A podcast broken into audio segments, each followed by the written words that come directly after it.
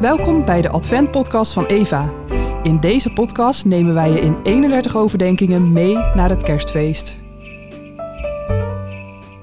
Aflevering 27. Wat jullie voor de onaanzienlijkste hebben gedaan, hebben jullie voor mij gedaan.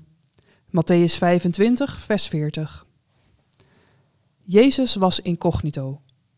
Hij had niet eens een grote pijl boven hem hangen met in neonletters: Dit is Gods zoon! Als je hem ontmoette, zag je een gewone man, eerder een gewone tienerjongen.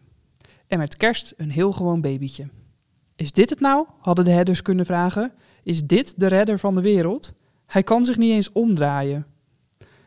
Zo alledaags werkt God blijkbaar. Juist een echte God werkt heel alledaags. Alles is namelijk van Hem. Je kunt een ware God niet opsluiten in een tempel. Het voorhangsel scheurt. Je kunt Hem niet beperken tot de uitzonderlijke wonderen. Hij werd een heel gewoon mens die er heel gewoon uitzag. Hij gaf niet eens licht.